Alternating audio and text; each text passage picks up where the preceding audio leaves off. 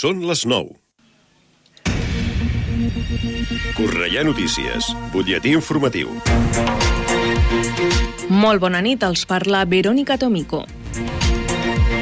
Cornellà ha commemorat avui el dia 8 de març, Dia Internacional de la Dona Treballadora. Durant tot el mes, la ciutat està immersa en una programació amb més de 25 activitats impulsades per les entitats del Consell Municipal de la Dona i coordinades pel Centre d'Informació i de Recursos per a les Dones, el CIRT.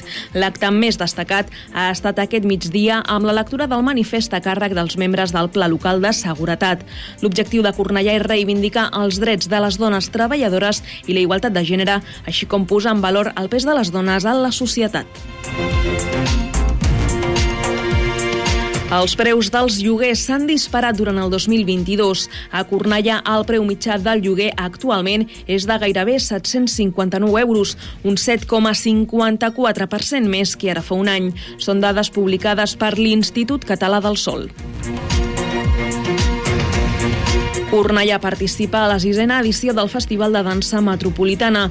La ciutat acollirà sis espectacles al marc d'una programació que aplega 331 activitats diverses i transversals als 12 municipis metropolitans que en formen part d'aquest projecte. El festival començarà demà i s'allargarà fins al dia 26 de març. Aquí a Cornellà la primera activitat prevista és el proper 12 de març. L'objectiu, diuen, és facilitar el diàleg entre la crítica, els artistes i el públic.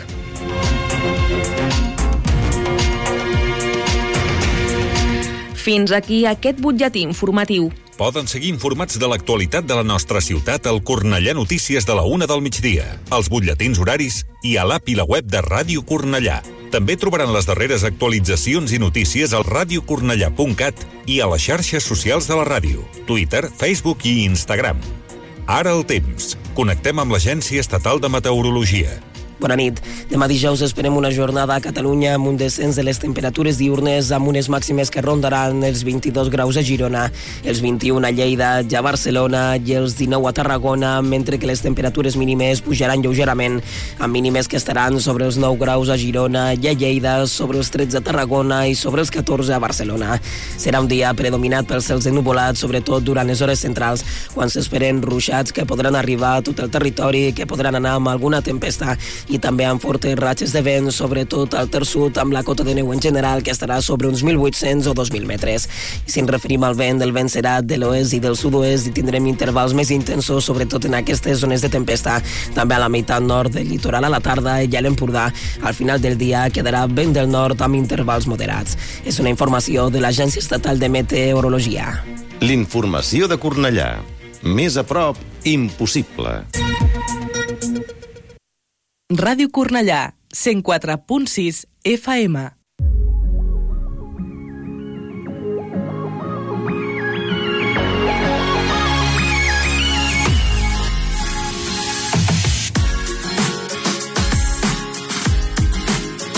Ara comença Let's Go Creu Roja, mitja lluna roja i cristal roig, amb el patrocini de Conxeroria Montserrat. 21 horas 3 minutos, 104.6 de la FM Radio Cornellá y hoy es el Día Internacional de la Dona. ¿eh? Sí. Hoy es un día especial y como especial también tendremos alguna noticia relacionada con ello y tendremos eh, gran cantidad de noticias porque hablaremos de arte, de medio ambiente, de justicia, de sección lúdica con nuestras adivinanzas y, nuestros, y nuestro programa de Hoy Viajamos, salud y estética y salud articular, porque eh, hablaremos de una de las articulaciones más importantes del cuerpo por la cantidad de peso que tiene que soportar, que son las rodillas. Bien, eso ha sido el, el- el resumen de nuestros titulares, pero hoy tenemos muchas cosas de que hablar y sobre todo porque tenemos muchas cosas por las cuales romper moldes, porque para romper moldes no hay edad. Y esto nos lo dice una persona que se llama mm, Francisca Zarzosa, que la llaman Tutu, cariñosamente, que está en el Centro Sanitario de Cruz Roja de San Sebastián y que además es una persona alegre que deja volar su imaginación para transformarla en una paleta de colores infinita porque le gusta pintar y hace tan solo unas semanas inauguró su primera exposición de pintura. Nunca lo había hecho. Ahora las paredes del centro están llenas de vida gracias a sus obras, a través de las cuales comparte lo que para ella es un clímax espiritual. Era enfermera de profesión. Supera ya los ochenta y tantos. Desde muy pequeña mostró un gran interés por el arte. Tutu es una mujer hecha a sí misma que todavía recuerda el bombardeo de Guernica. Eso ya nos dice cuál es su edad. Y ello le hizo a ella misma y a toda su familia exiliarse a Venezuela para empezar desde cero. Allí, gracias al apoyo de su marido, comenzó a formarse en su pasión, en la pintura. Primero como alumna y después como profesora, donde llegó a tener 50 estudiantes en sus clases. Francisca Zarzosa, Tutu, cariñosamente.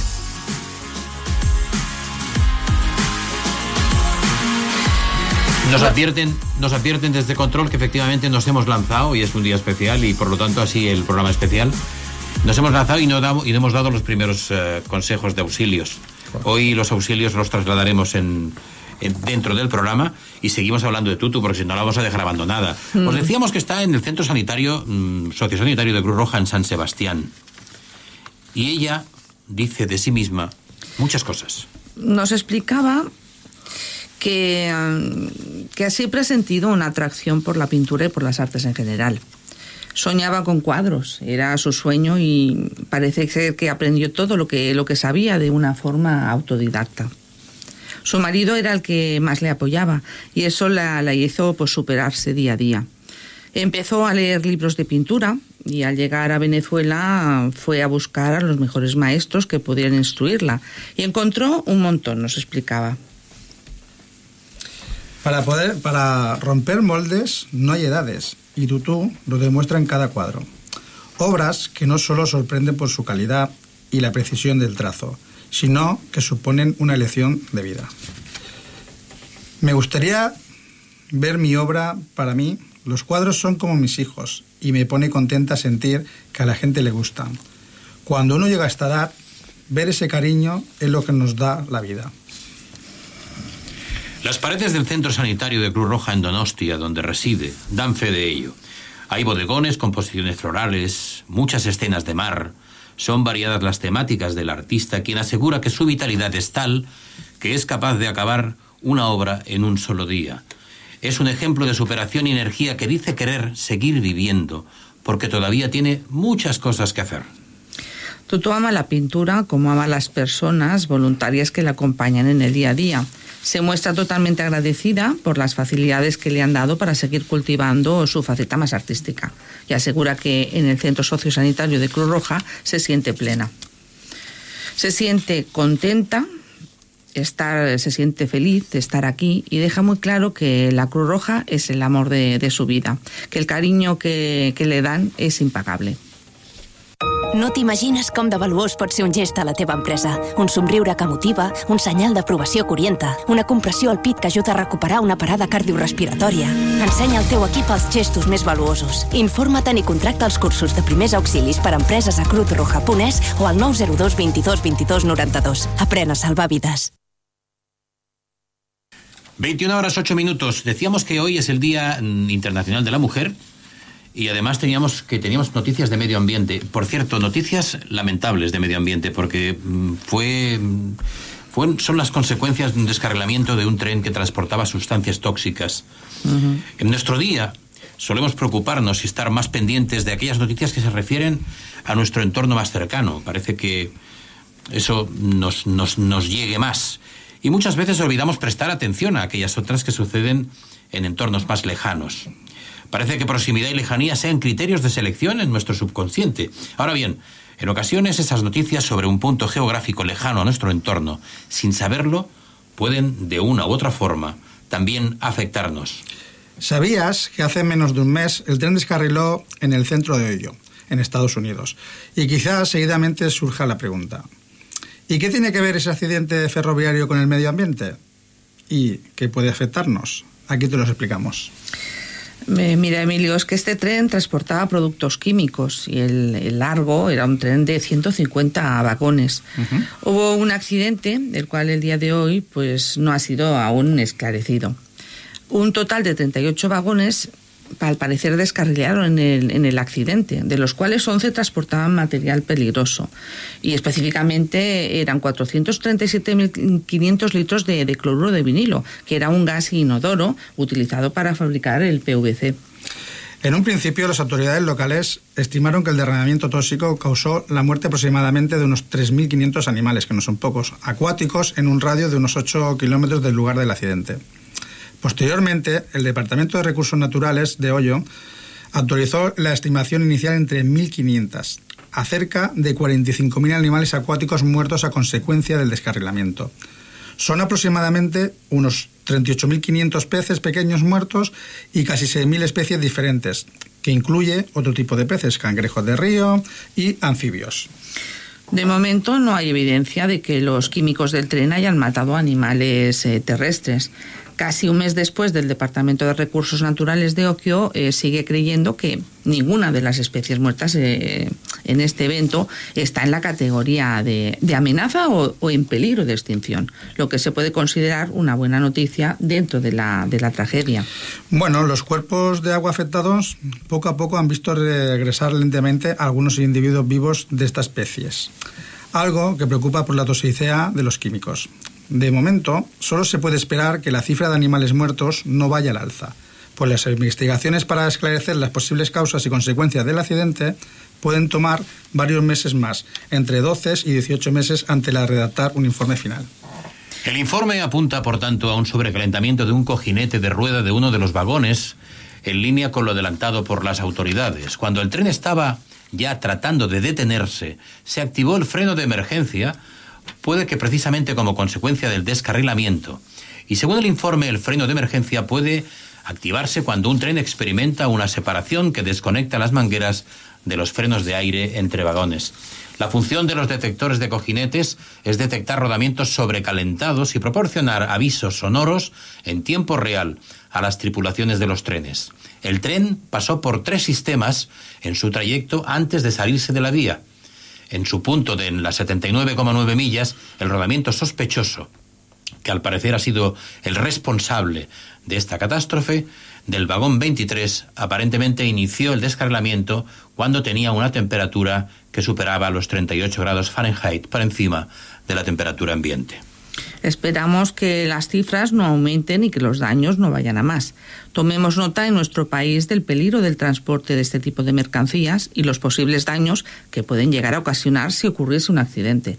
Que estas malas experiencias sirvan en otros lugares y países como el, nuestro, de ejemplo para evitar que este tipo de tragedias ambientales sigan ocurriendo. Ansiedad, insomnio, depresión. Llamar a las cosas por su nombre es de valientes.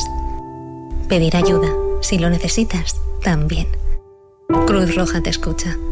Llámanos 900-107-917.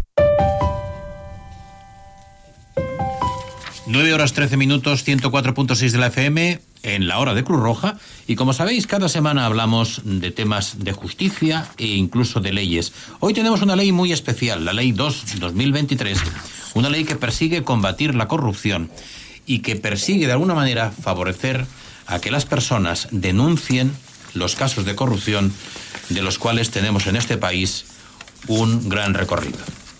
Buenas noches de nuevo. Hoy tenemos una nueva noticia sobre actualidad jurídica. Esperamos que pueda ser de vuestro interés.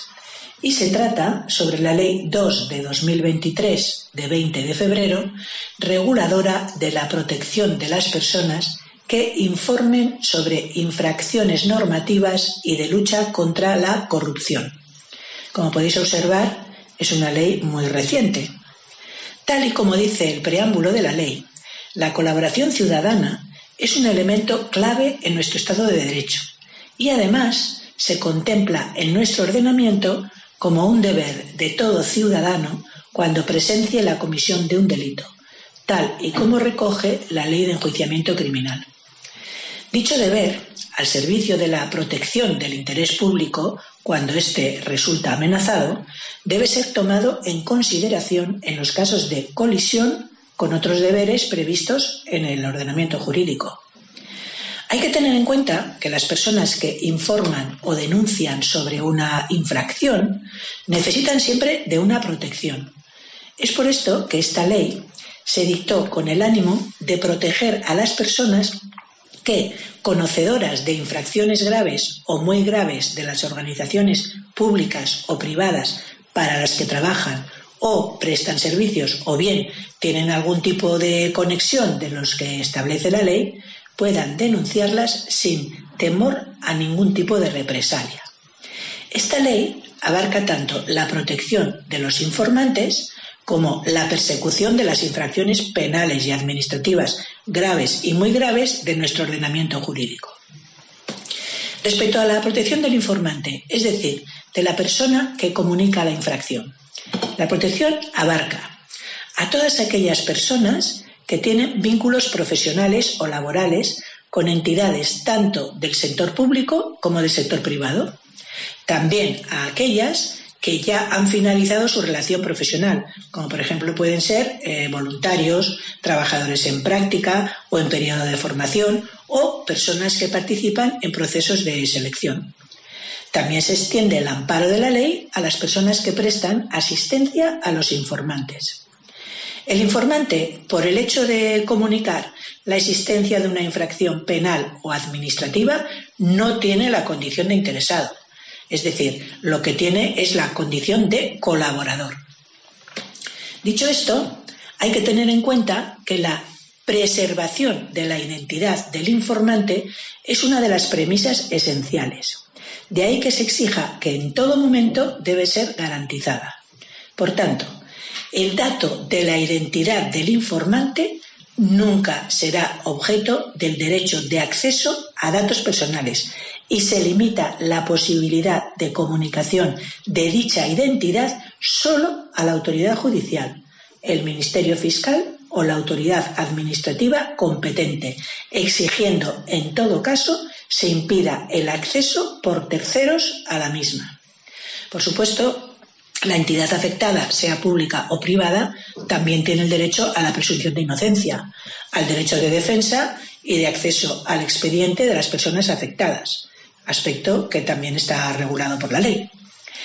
El ámbito de aplicación de esta ley recae sobre acciones u omisiones que puedan constituir infracciones del derecho de la Unión Europea y que, entre otras, pueden ser, pues, por ejemplo, sobre contratación pública, sobre servicios, productos y mercados financieros, en referencia a la prevención de blanqueo de capitales y de financiación de terrorismo, Asimismo, sobre la protección de los consumidores.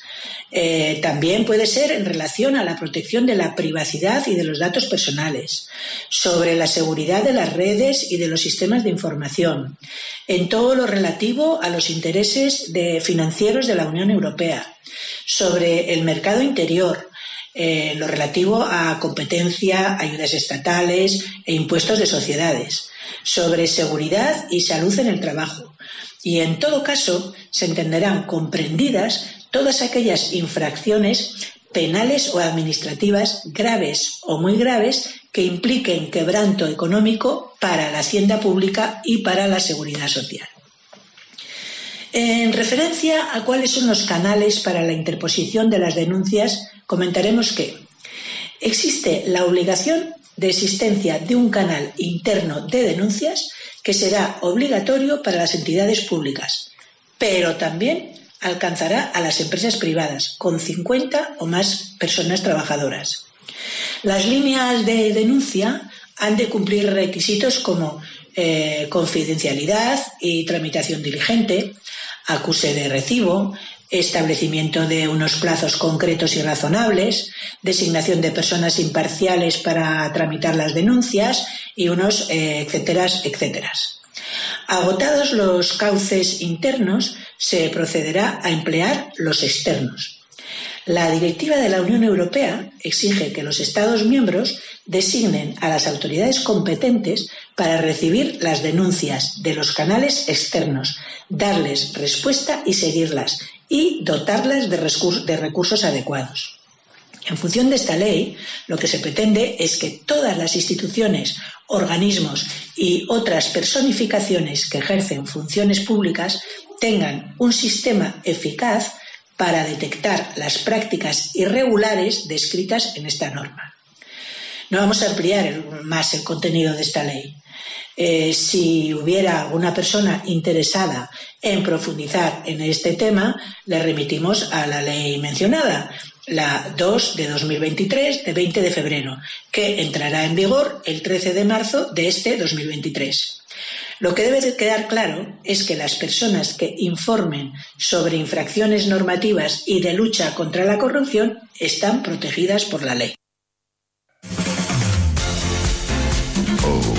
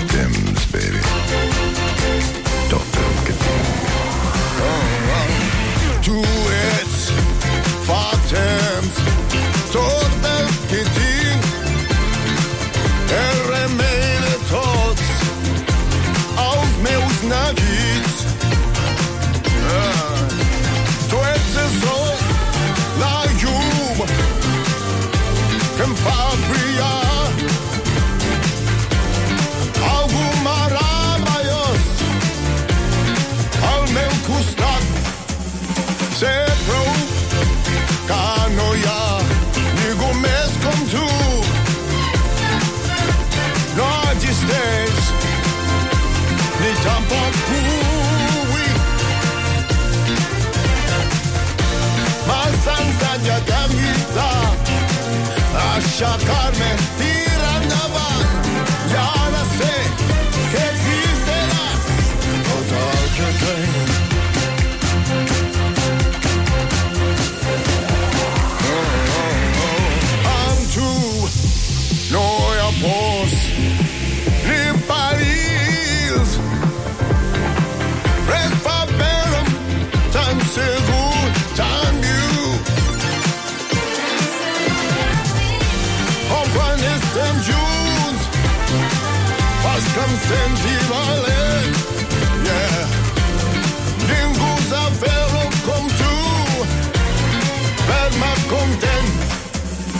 Ja et tinc, yeah. et vull al costat. Queda't amb mi, el que em vindrà. Yeah. És real, ho puc sentir. Sembla un somni, però és així. Que tu ets,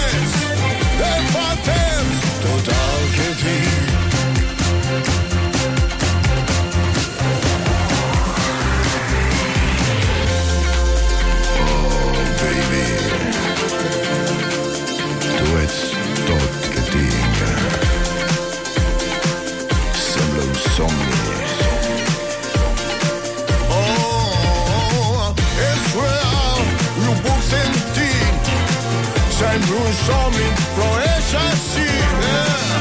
Que tu ets, et fa temps, tot el que tinc.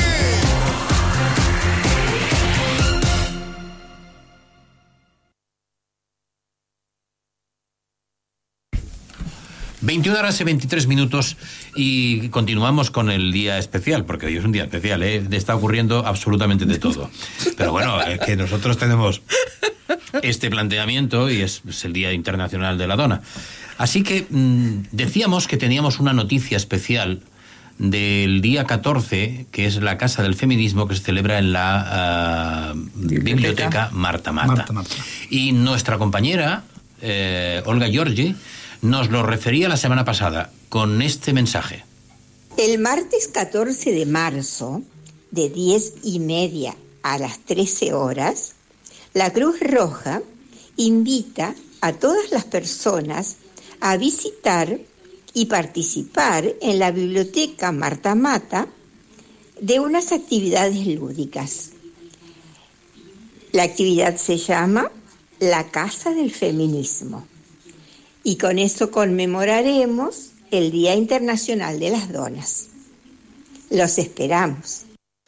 El próximo martes en la Biblioteca Marta Mata.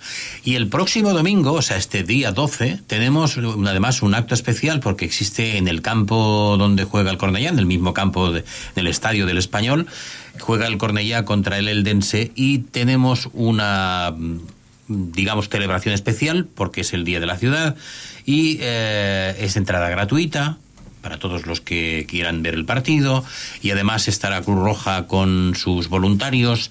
Habrá mm, posiblemente la entrega de un premio, mm, posiblemente no seguro, habrá una la entrega de un premio a la Unión Esportiva Cornellá por su fidelidad con Cruz Roja y estaremos allí entre las 11 y la 1 y 40 minutos aproximadamente. Como dos, tres horas estaremos en el campo del español. El próximo domingo, día 12, tenéis que apuntarlo en la agenda, que no se os olvide. Y ahora, hablando de olvidos y demás, recordad también que tenemos cada semana unos momentos lúdicos que hablan sobre cómo o, o de qué manera adivinar las adivinanzas de Olga Giorgi. La semana anterior tuvimos una adivinanza que decía algo así como esto. Es vida para la pla- las plantas, es gozo para la boca, y cuando baja del cielo moja todo lo que toca. Con la frase final, mm, cuando baja del cielo moja todo lo que toca, yo creo que casi, casi lo tenemos resu- resuelto. ¿eh? Efectivamente, la solución es el agua. Cada día, cada miércoles concretamente, en el programa de la hora de Cruz Roja, entre las 21 horas y las 22 de cada miércoles, eh, os eh, proponemos el solucionar adivinanzas que nuestra compañera Olga Giorgi nos va preparando semana tras semana. Y os invitamos a que mediante un audio resolváis la adivinanza y os llevéis un premio de Cruz Roja. Así que preparaos para la adivinanza de la semana próxima. Es así. Quien diga que soy de palo no es adivinador malo. Quien diga que soy de agua tampoco adivina mal. Quien diga que soy de todo, ¿a que no da con mi apodo?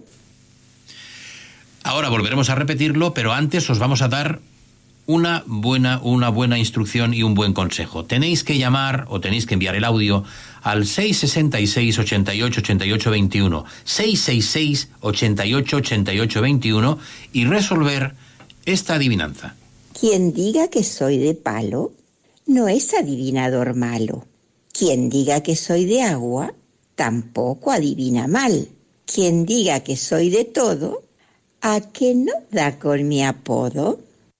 Ahí está, 666 88 88 21 está la solución ya cociéndose para la semana próxima. Así que a, a intentarlo rápidamente al 666 88 88 21 y ahora es el momento de la música como siempre.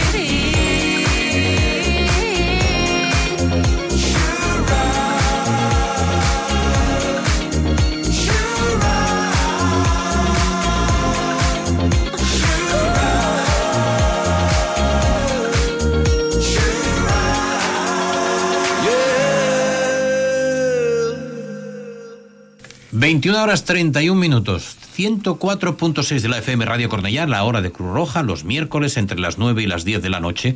Siempre, siempre con vosotros y con buenas noticias. Sobre todo que tenemos un programa especial en Cruz Roja, un programa que tiene una forma de ser muy tierna, que ayuda a mucha gente, que persigue la sonrisa y que lo logran, ¿eh? Lo logran. Así se anuncian. Oh, hola a tots!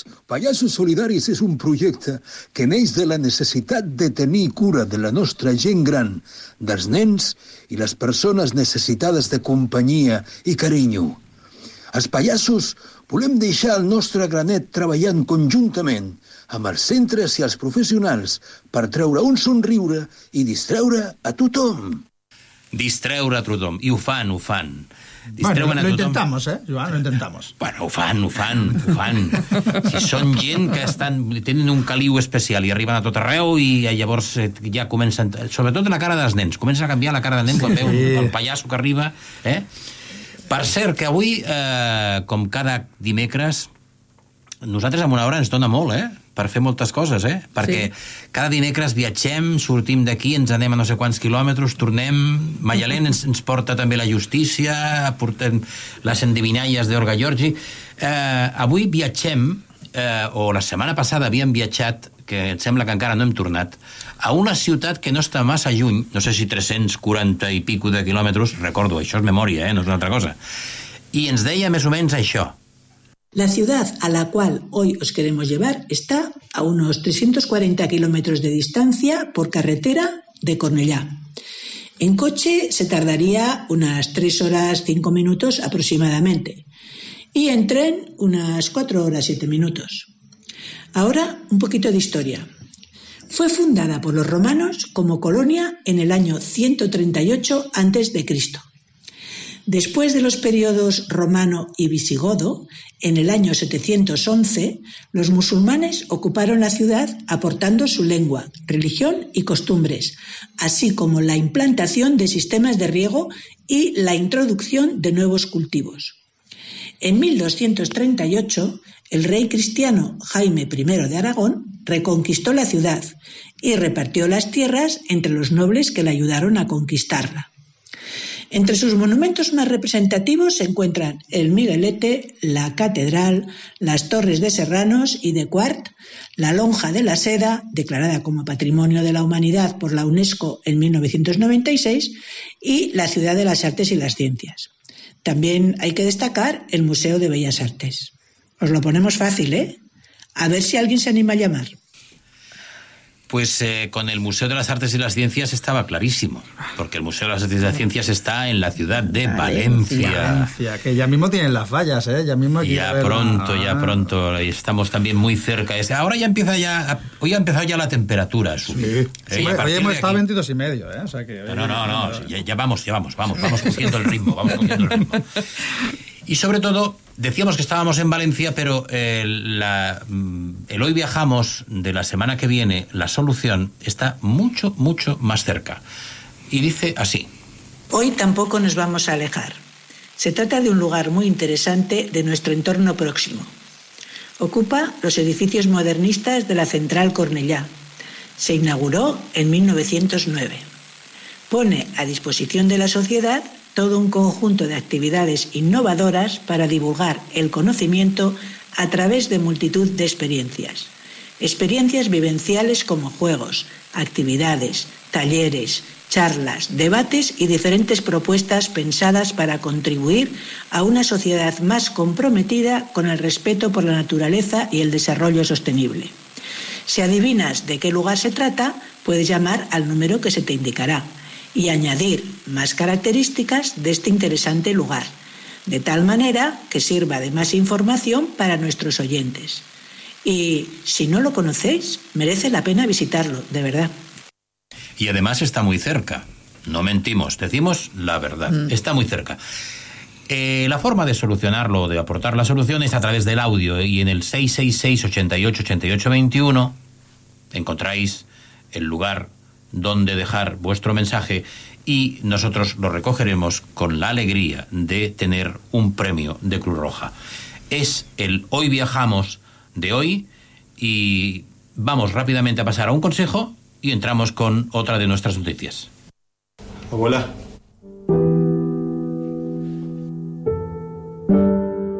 Las personas de nuestro entorno no siempre admiten que no están pasando por un buen momento emocional. Detectar que necesitan ayuda y animarles a pedirla es de valientes.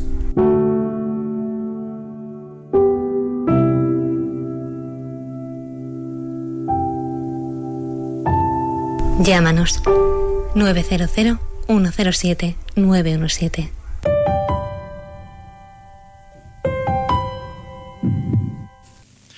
Como sabéis, la alopecia es una enfermedad que provoca la caída del pelo, donde el sistema inmunitario ataca los folículos pilosos, es decir, las estructuras de la piel que forman el pelo o el cabello. Cualquiera puede perder el pelo de la cabeza y otras partes como cejas y pestañas, pero es más común en los hombres. La pérdida del cabello puede aparecer de muchas maneras, según la causa.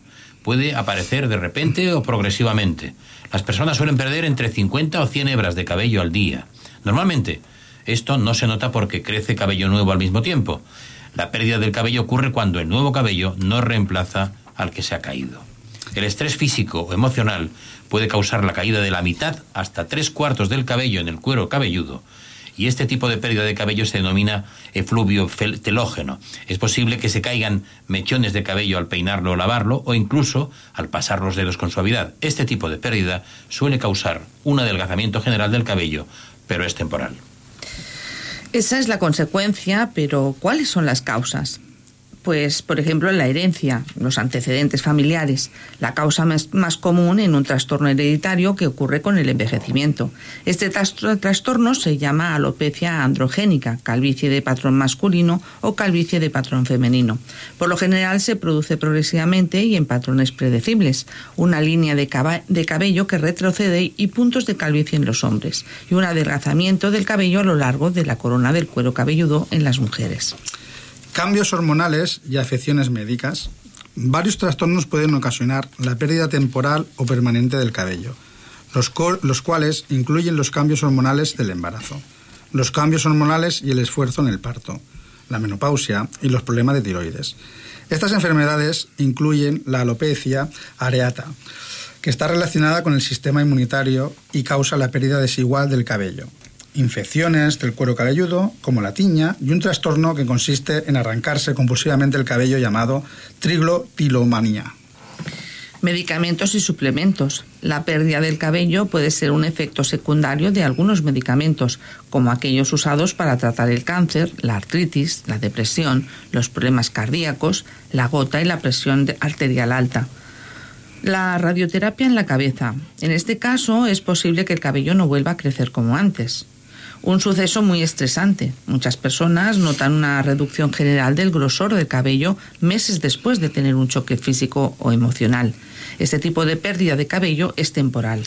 También con los peinados y tratamientos, el moldeado excesivo de los peinados que tiran mucho del cabello, como las colas de caballo o las trenzas africanas, pueden causar un tipo de pérdida de cabello llamado alopecia por traición. Los tratamientos de aceite caliente y las permanentes también pueden provocar la caída del cabello. Si hay cicatrices, la pérdida del cabello puede ser permanente. Eh, ¿Cuáles son los factores de riesgo? Pues los antecedentes familiares de calvicie por parte de tu padre o de tu madre, la edad, la pérdida de, de peso significativa, algunas afecciones médicas como la diabetes y el lupus, el estrés y una mala nutrición. Consulta siempre con tu médico. Si eres mujer y experimentas un retroceso en la línea de cabello, alopecia fibrosa frontal, es posible un tratamiento temprano para evitar una calvicie permanente importante.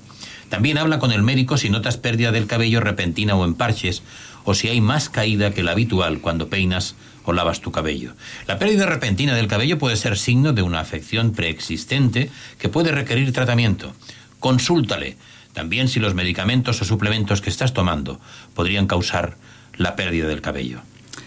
Mentalízate de la importancia de la prevención y el cuidado. Sé amable con tu cabello. Lávalo con champú neutro.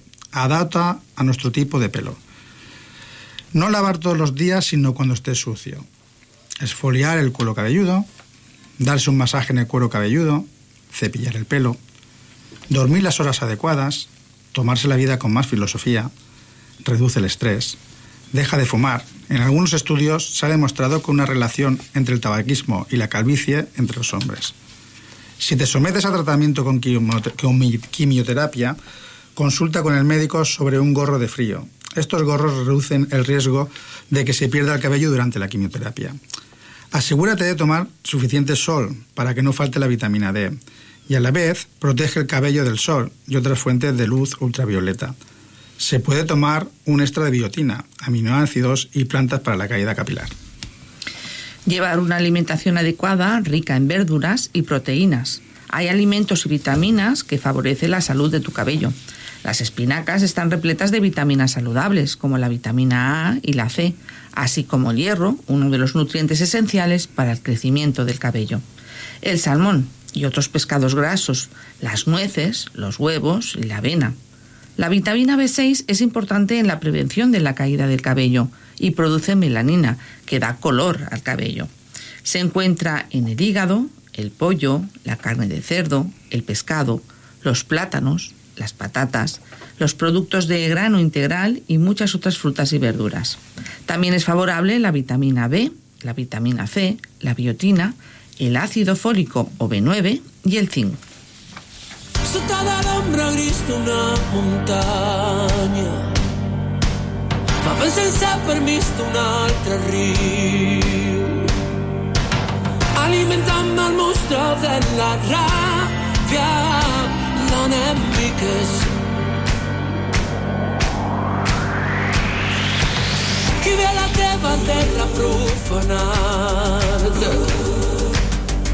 Pitja la ciutat sense permís. Qui traurà del carrer les teves coses L'enemic és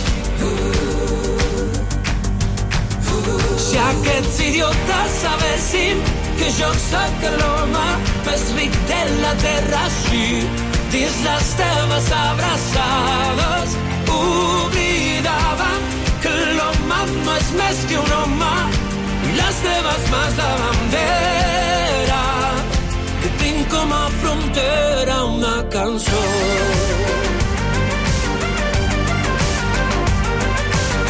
i no em preguntis més per què he vingut jo pregunta tu millor què aquí amb mi Potser seràs el fill d'un fill com altres, un esclau.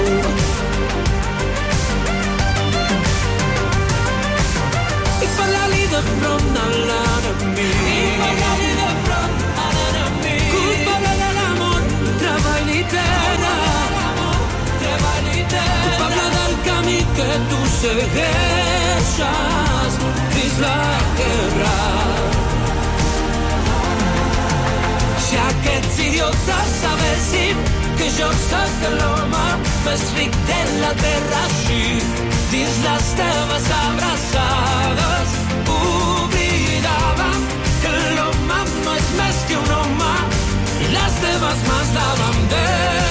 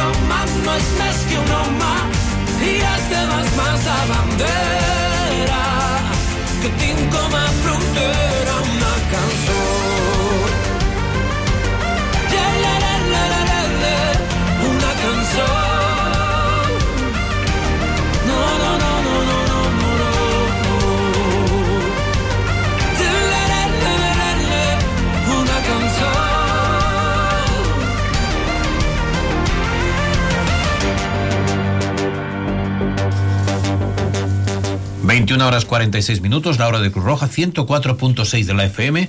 Y estamos ahora con la salud, porque la salud es importante. Mucho. Ya lo creo. Sobre todo la salud articular, porque tenemos una articulación en el esqueleto humano que es la que con más frecuencia desarrolla la artrosis. Y la culpa la tiene, digamos que su ubicación, porque está en el punto concreto en el cual tiene que soportar todo el peso del cuerpo. Ya hay algunos que tenemos una gran cabeza, si luego le añadimos el resto, la rodilla sufre más. Y si luego le ponemos unos kilos, Más Bien. todavía. Y encima vas a comprar y vienes cargada. ¿verdad? pues aún le pones Aún más. le ponemos más. Y la rodilla sigue ahí aguantando el temporal porque no tiene más remedio. La artrosis de rodilla es una enfermedad degenerativa y de desgaste que se presenta con mayor frecuencia en personas de edad avanzada, pero que también puede ocurrir en personas más jóvenes debido a lesiones previas en la rodilla. Un ilustrísimo traumatólogo, recuerdo de hace unos años, en una reunión que mantuvimos, decía que la rodilla estaba mal creada por el creador. Tenía un problema. La rodilla estaba hecha para 40 años. Y ahora envejecemos cada vez más, afortunadamente, superamos los 40 años, superamos los 50, estamos a lo mejor en la... en- con- concretamente, creo que la edad media está en los... No, no, más 80 y 80 algo. y ¿eh? algo está ya, sí. 80 y algo, y creo que 80 y algo en los, en los hombres que, que, que vivimos menos y, y- y algo más en las mujeres. No sé si 5 o 6 años más la mujer. Y, y por, y por desgracia suelen ser más desgaste las mujeres al nivel de articulaciones de rodilleta que normalmente los hombres. Por el tema, bueno, por, por el tomo- todo el tema que tienen ellos hormonal, suelen tener más desgaste. Depende, depende porque precisamente es una articulación que sufre mucho con determinados deportes. Sí. Sobre todo, no, no nos hemos de ir muy lejos. Los futbolistas, por ejemplo, tienen Mm. acostumbran a padecer mucho de rodillas. Y también es cierto que hay otros deportes como las artes marciales, etcétera, etcétera, que tienen las, las articulaciones, las trabajan con movimientos bruscos que eh, no dejan de ir castigando poco a poco la articulación. Decíamos que la razón de la gran, influ- la gran frecuencia de la artrosis de rodilla en comparación con otras articulaciones del cuerpo es porque la- es una articulación de carga, es lo que venimos hablando. Tiene que soportar todo el peso. Es decir, tiene que soportar el peso del cuerpo y de los objetos que transportamos. Claro. Y si vamos al. Claro, salieron los carros de compra, que llevan ruedas. Afortunadamente, sí. Pero esto parece ser que no, no ha solucionado el problema de la rodilla. Pero bueno, mis, mis compañeros os van a hablar mucho más de la rodilla, pero sobre todo mucho más porque son numerosas las causas que podemos tener mm, el dolor de rodilla y tenemos procesos traumáticos que son los que más acostumbran a ocurrir en edades jóvenes, como decíamos antes, pero están los degenerativos como principales causas por su frecuencia y repercusión en la funcionalidad del que padece la enfermedad de la rodilla, que puede ser la contropatía, el desgaste del cartílago, etcétera, etcétera, etcétera. Por este motivo, la realización de un programa específico de ejercicios de rodilla asociado a la realización de ejercicio de tipo aeróbico por parte del paciente, se- bien sea natación, caminar, va a favorecer el estado físico del mismo. La realización del ejercicio favorece el fortalecimiento de la musculatura de la rodilla, proporcionando estabilidad y movimiento. Además, contribuye dotando de flexibilidad a las articulaciones, evitando el desarrollo de rigidez y de limitación arti- articular, siendo la finalidad el control del dolor. Los ejercicios propuestos a continuación están dirigidos a pacientes con patología degenerativa dolorosa. El programa estará compuesto por una serie de ejercicios que combinan la flexibilización, la potenciación muscular y la propiocepción en, en últimos estadios, como la capacidad del cerebro de reconocer la posición exacta de cada parte de nuestro cuerpo. Se recomienda incrementar de forma gradual tanto en número de repeticiones, de series y de ejercicios a lo largo del proceso de recuperación, siempre y cuando sea bien tolerado por el paciente y no produzca dolor. Como norma general, se aconseja realizar cada uno de los ejercicios con cada rodilla, de una forma individualizada, ya que las dos rodillas no suelen estar al mismo nivel de movilidad articular y fuerza muscular. Se suele comenzar el programa realizando una serie de 10-12 repeticiones de cada ejercicio con cada pierna, y si es posible, realizarlo dos veces al día. A medida que mejore el estado funcional de la rodilla, tanto en la movilidad como en la fuerza, se suele incrementar el número de repeticiones, así como el número de series de cada ejercicio. Si observamos que durante la realización de los ejercicios del paciente no tolera bien los ejercicios o son dolorosos, se evitarán o se realizarán con menor intensidad, evitando la sobrecarga de estructuras de la rodilla. La aplicación de la crioterapia post ejercicio 7-10, entre 7 y 10 minutos suele ser bien tolerada con la que evitaremos la, inflación que la inflamación que puede ocurrir a su finalización. Crioterapia es un tratamiento local en el que se usa frío intenso para congelar y destruir células cancerosas y tejido anormal. Para esto se aplica nitrógeno líquido o gas argón. Los ejercicios para el dolor de rodilla que estábamos comentando son ejercicios que se realizarán muy lentamente, sin forzar y sin que provoquen dolor, intentando llegar hasta el final suavemente, sin rebotes. Los ejercicios puedes realizarlos en la cama, tendido. No es necesario que hagamos grandes esfuerzos. No contengas la respiración, respira con normalidad y atiende a las instrucciones. Vamos a dar paso al primer ejercicio. El primer ejercicio será isométricos de los músculos cuádriceps. Con la pierna recta, apriete los muslos, los músculos del muslo lo más que se pueda y manténgalo durante 3 a 5 segundos. Después, relájese y vuelva a repetirlo. Si tiene dificultad, puede ponerse una toalla enrollada debajo de la rodilla para aumentar la sensación de la tensión muscular. El segundo ejercicio eh, son ejercicios activos de flexo-extensión de rodilla. Con la pierna contraria flexionada, realice el movimiento de estirar y flexionar la pierna afecta lo máximo posible sin que aparezca dolor. Esto se hace en camilla. Una la flexionas y la otra está recta. ¿eh? Entonces hay que estirar y flexionar la, la pierna. Ahora pasaremos al tercer ejercicio, que es de fortale- fortalecimiento del psoasílico y cuádriceps. Con la pierna contraída, flexionada y la feta estirada. Elevamos a la misma la altura a unos 30 centímetros de la camilla. Mantenemos entre 3 y 5 segundos y bajamos despacio. Ejercicios de fortalecimiento de cuádriceps con rulo. Colocaremos un rulo debajo de las rodillas, que puede ser su defecto pues alguna almohada o incluso alguna toalla gruesa enrollada.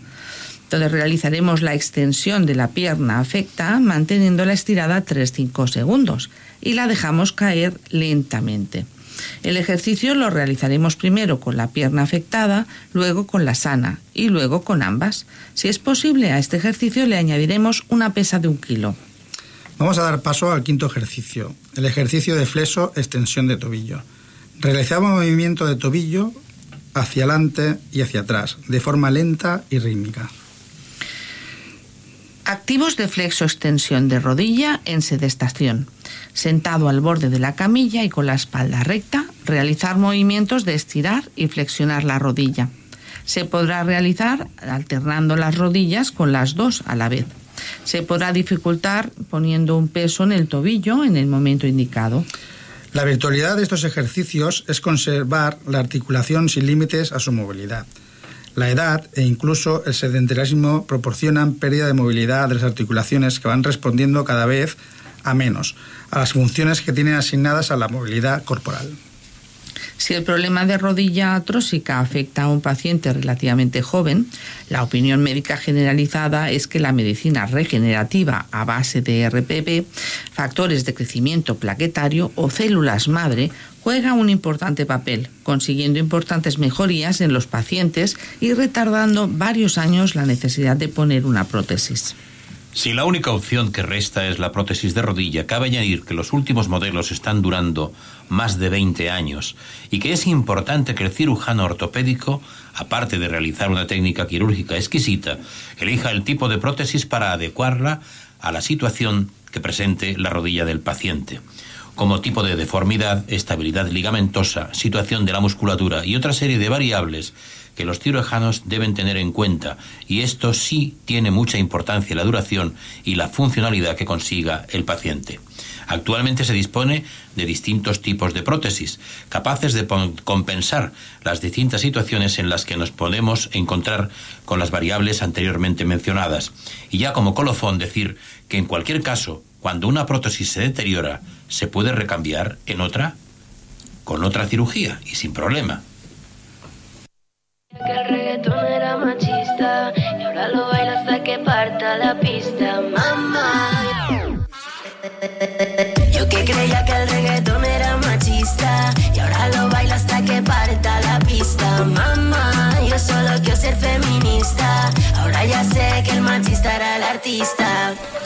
Nos juntamos tres. Está sonando Caliza y que sepáis que Caliza estará el próximo día 16 a las 19 horas en el Auditori de Cornellà en la actuación especial del deporte femenino.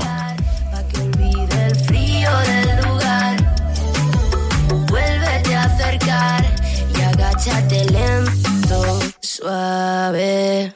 Yo que creía que el reggaetón era machista y ahora lo bailo hasta que parta la pista. Mamá, Recordad también que tenemos el próximo domingo en el campo del Español, el Día de la Ciudad, con un partido del Cornellá, la Unión Esportiva Cornellá, con el Eldense, y que estaremos allí. Eh, no os dejéis eh, pasar demasiado tiempo porque os quedaréis sin entradas.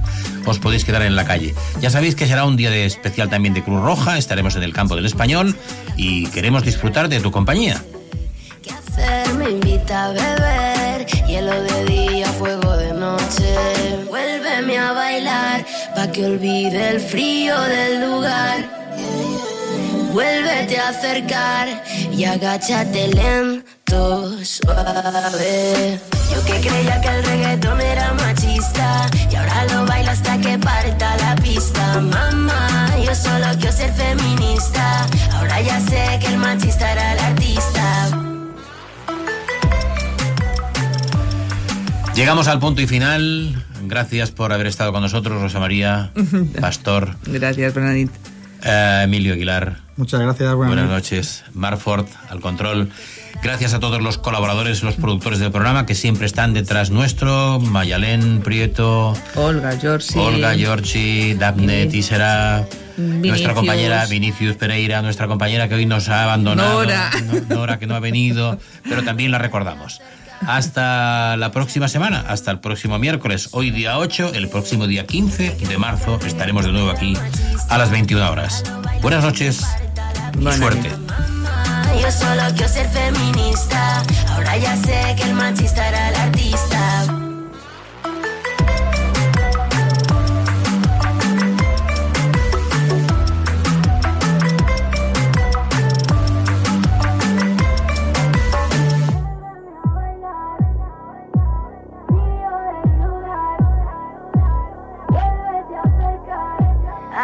Agáchate lento, suave. Vuélveme a bailar pa' que olvide el frío del lugar.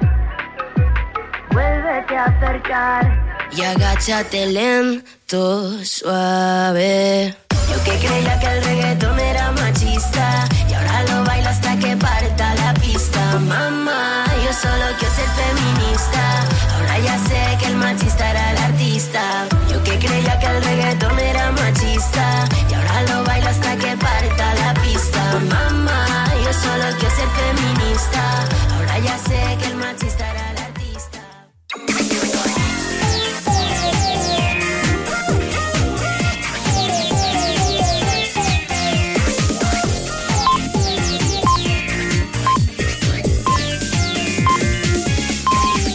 Són les 10. Correia Notícies, butlletí informatiu.